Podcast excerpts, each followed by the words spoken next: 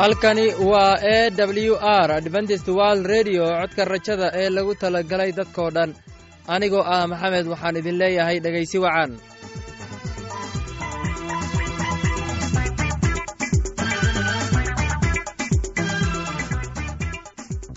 Barnaamijkeenna maanta waa laba qaybood. Qaybta koowaad waxaad ku maqli doontaan barnaamijka nolosha qoyska uu inoo soo jeedinaya maxamed.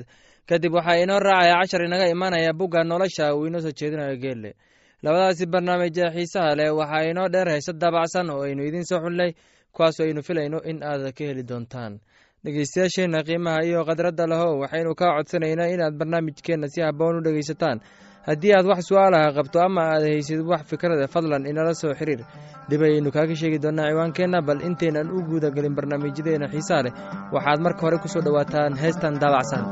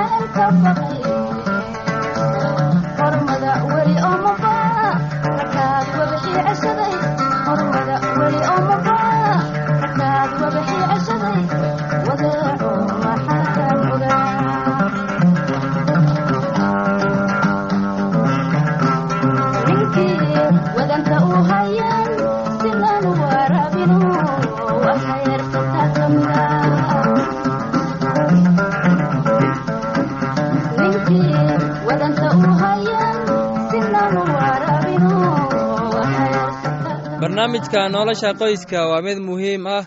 Waxaan rajaynayaa inaad ka faa'iidaysan doontaan barnaamijkaasi. Barnaamijku wuxuu ka hadli doonaa waxa laga aaminsan yahay xagga uurka.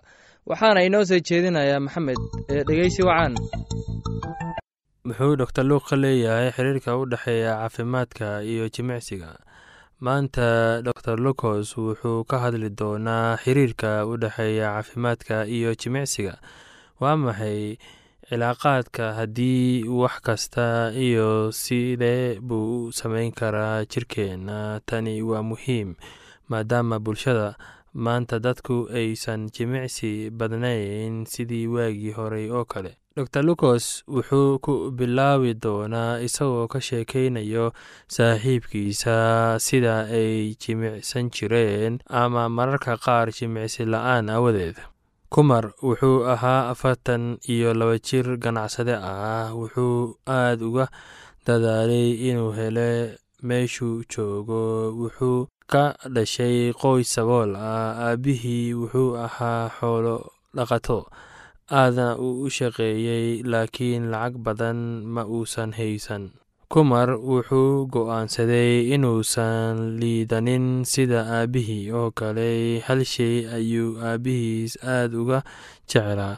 Aabbihii shaqadiisa adag aad buu u fiicnaa si kastaba ha noqotee kumar hooyadiis waxay u sheegtay inay mar weliba ka walwalayso. Ninku aad ayuu u shaqeeyey. Kumar wuxuu ku faanay aabbihii sida uu fiican yahay oo uusan lahayn wax celcelinta duufaanta ah. Kumar si adag ayuu wax ku bartay jaamacadda wuxuu ka gaaray darajooyin wanaagsan waxaana wuxuu awooday inuu aado dugsiga qalin jebinta oo u helay shahaadada xayskiisa xagga ganacsiga wuxuu shaqeeyey saacado aad u badan. Xaaskiisuna waxay ka caawideen wakhtiga uu shaqaynayay maalin kasta maalinta wakhtiyada aad u dheer. Kumar wuxuu ahaa in uu qirto inuu u shaqeeyey saacado badan mararkii qaar ilaa iyo lixi toban saacadood maalintii wuxuuna u shaqeeyey xitaa maalinta sabtida iyo axadda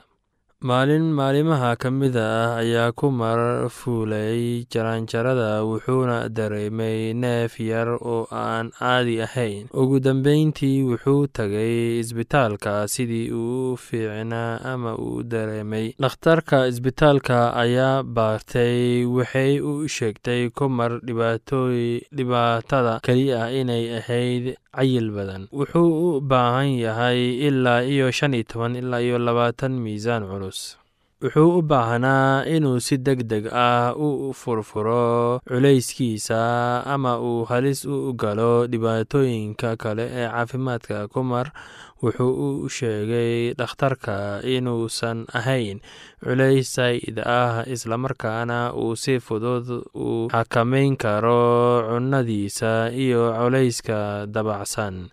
Dhakhtarka wuxuu sheegay in dhammaan bukaanadiisa culayska buurnida aysan ahayn. Taasi waa inaysan aad u buurnayn oo iyaguna culayska wuu dayn karaa sida ugu dhaqsada badan. Dhakhtarku wuxuu u sheegay kumar tani in ay tahay muhiim. Kumar wuxuu weydiiyey dhibaatooyinka caafimaadka uu qabo uu qaban karo. Dhakhtarkuna wuxuu u sheegay in hab nololeedka ay ku jirto jimicsiga caafimaadka.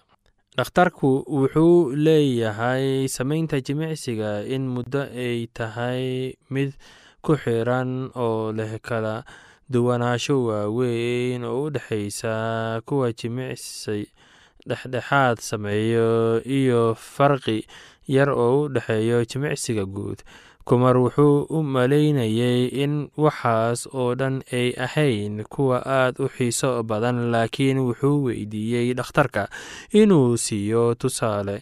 Dhakhtarku wuxuu bixiyey mathal ku saabsan strooga wuxuu yidhi doorashadii ugu dambeeyey waxay muhiim u tahay inay u muujisay khatarta ay leedahay cudurka strooga waxaa lagu ogaaday inuu ka yar yahay lix meel meelood ragga si firfircoon loo barbaro dhigo kuwa aan howl yarayn. Khatartu wuxuu leeyahay cudurka sokorowga ku tiirsan insuliinka.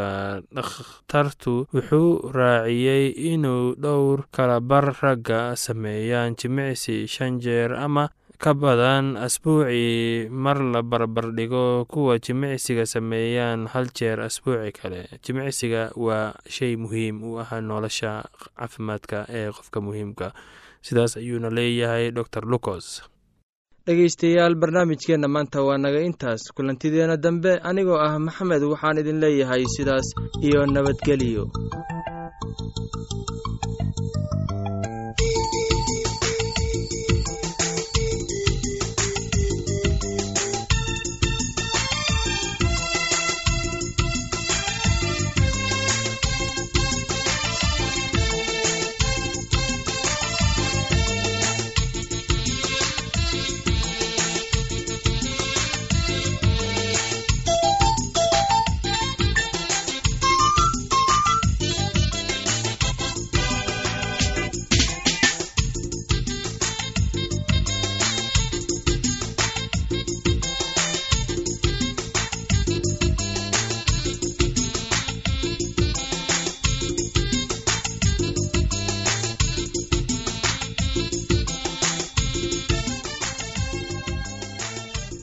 waxaan filayaa in aad si aboon u dhegaysateen casharkaasi. Haddaba haddii aad qabto wax su'aal ah oo ku saabsan barnaamijka nolosha qoyska fadlan inala soo xiriir ciwaankeenna. Waa codka rajada sanduuqa boostada afar laba laba lix todoba nairobi kenya. Mar labaad ciwaankeenna waa codka rajada sanduuqa boostada afar laba laba lix todoba nairobi kenya. Waxaa kaloo inagala soo xiriiri kartaan imeilka somali e w r at yahu dt com mar labaad imeilka waa somali e w r at yahu com. Haddan waxaad mar kale ku soo dhowaataan heestan soo socota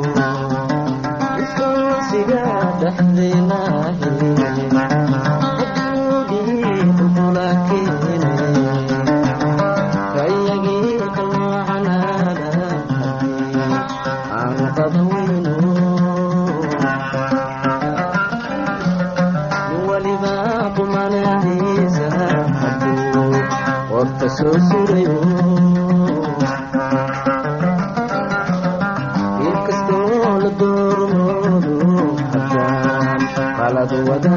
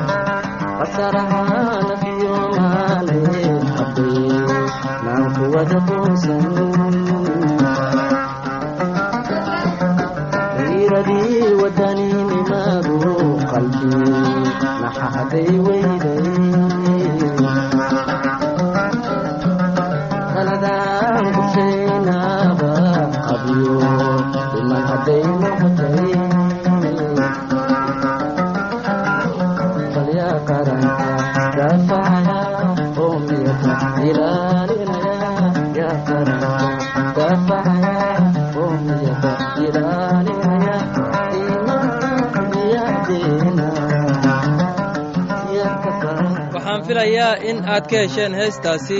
Haddana waxaad ku soo dhowaataan casharkeenna inaga imaanaya bugga nolosha. Casharkeenna wuxuu ku saabsan yahay jidka ilaaha badbaadintiisa waxaana inoo soo jeedinaya geelle ee dhegeysi wacan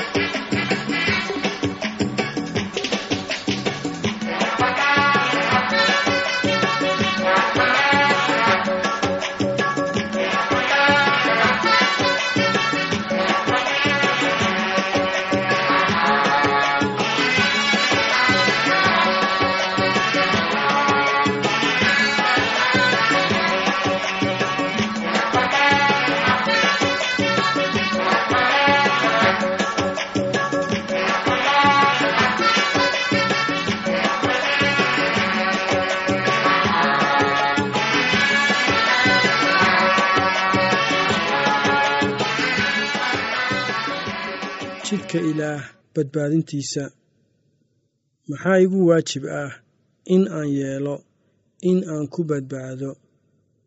Buugga falimaha rasuullada cutubka lix iyo toban aayadda soddon ilaa kow iyo soddon wuxuu qoray sida tan rumayso rabbi ciise waadna badbaadi doontaaye. Dhegaystayaal buugga falimaha cutubka saddexaad aayadda sagaal iyo toban wuxuu qoray sida tan haddaba toobadkeena oo soo noqda si dembiyadiinna loo tirtiro. Haddana isla buugga falimaha cutubka labaad aayadda soddon iyo siddeedaad wuxuu qoray sida tan. Toobadkeena oo midkiin kastaa ha lagu baabtiiso magaca ciise masiix dembidhaafkiinna aawadiis oo waxaad heli doontaan hadiyadda ruuxa quduuska ah buugga yooxana koowaad cutubka koowaad aayadda sagaal wuxuu qoray sida tan haddaynu dembiyadeenna qidhanno isagu waa aamin iyo caadil inuu dembiyadeenna inaga cafiyo oo inaga nadiifiyo xaqdarrada oo dhan. Buugga roma cutubka tobnaad aayadda sagaal ilaa toban wuxuu qoray sida tan haddaad afka ka qiratid in ciise yahay rabbiga oo aad qalbigaaga ka rumaysatid in ilaah isaga ka sara kiciyey kuwii dhintay waad badbaadi doontaa. Waayo qalbiga waxbaa laga rumaystaa xagga xaqnimada. Afkana waxbaa laga qirtaa xagga badbaadinta. Buugga efesos aayadda labaad wuxuu qoray sida tan. Idinku waxaad ku badbaaddeen nimco xagga rumaysidka mana aha wax xaggiinna ka yimid laakiinse waa hadiyadda ilaah. Buugga rooma cutubka tobnaad aayadda saddex-iyo tobnaad wuxuu qoray sida tan. Ku alla kii magaca rabbiga ku baryaa wuu badbaadi doonaa. Haddana buugga yooxana cutubka lixaad aayadda soddon iyo kow wuxuu qoray sida tan. Sayd ciise wuxuu yidhi kii ii yimaada ma eryi doono. Dhegaystayaal barnaamijkeennii maanta waa naga intaas. Tan iyo kulintideenna dambe aniguu ah geelle waxaan idin leeyahay sidaas iyo nabadgelyo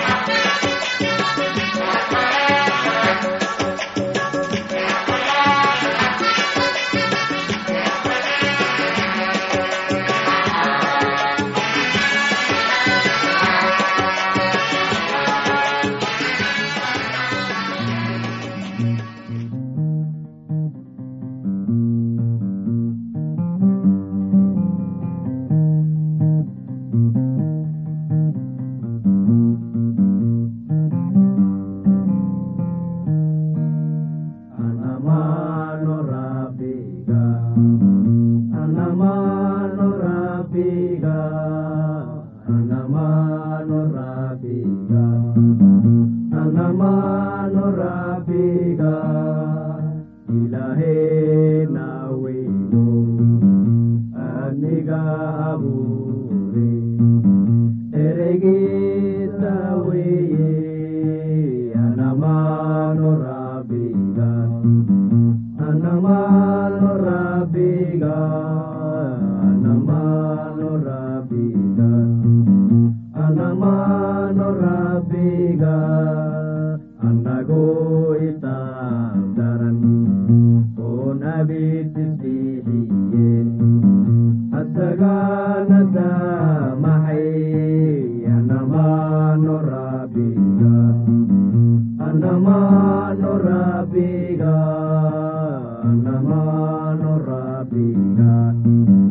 Anamano Rabbiga, Wa Amir Kanabade, Wa Ibni Kadumide,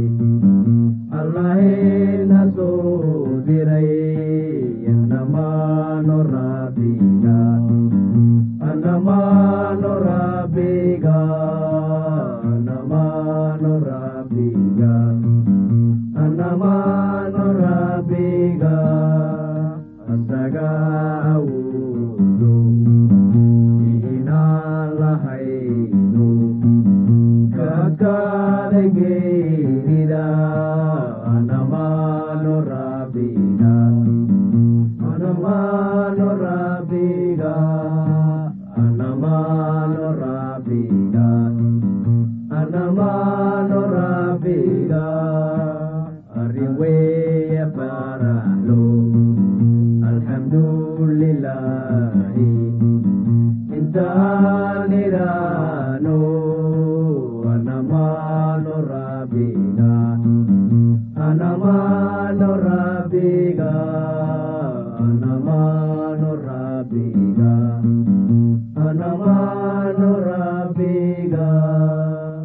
laanta afka soomaaliga ee w r adventist world radio waxay sii daysaa barnaamijyo kala duwan waxaana ka mid ah barnaamij ku saabsan caafimaadka barnaamijka nolosha qoyska barnaamij ku saabsan kitaabka quduuska heeso iyo barnaamijyo aqoon koraarsi ah. Casharkaasi inaga yimid bugga nolosha ayaynu ku soo gabageyneynaa barnaamijyadeena maanta. Halka aad inagala socotiin waa laanta afka soomaaliga ee codka rajada ee lagu talagalay dadka oo dhan haddaba haddii aad doonayso in aad wax ka kororsato barnaamijka caafimaadka ama barnaamijka nolosha qoyska ama aad doonayso inaad wax ka barato buugga nolosha fadlan inala soo xiriir. Ciwaankeenna waa codka rajada sanduuqa boostada afar laba laba lix todoba nairobi kenya. Mar labaad ciwaankeenna waa codka rajada sanduuqa boostada afar laba laba lix todoba nairobi kenya. Waxaa kaloo inagala soo xiriiri kartaan emeilka somali e w r at yahu dt com. Mar labaad emeilka waa somali e w r at yahu com. Dhegeystayaasheenna qiimaha iyo khadradda lahow meel kasta aad joogtaan intaa mar kale hawada dib uu kulmayno anigoo ah maxamed waxaan idin leeyahay sidaas iyo nabadgelyo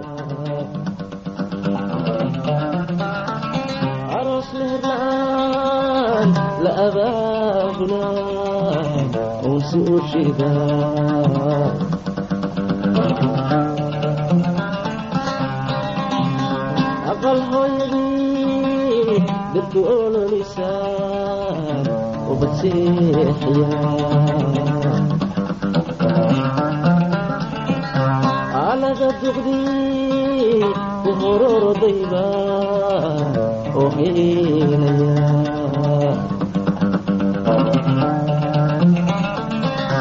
aroos meherlaan la abaabulaa unsi u shidaa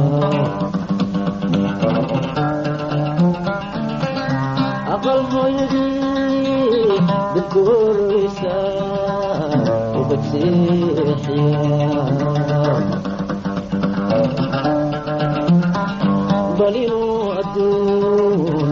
ayaha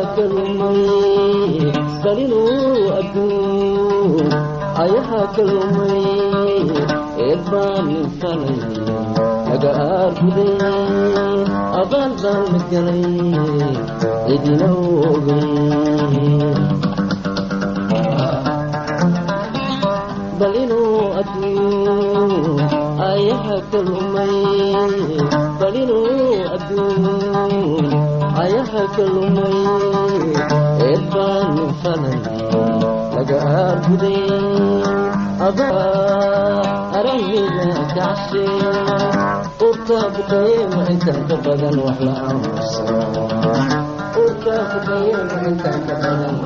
aamusa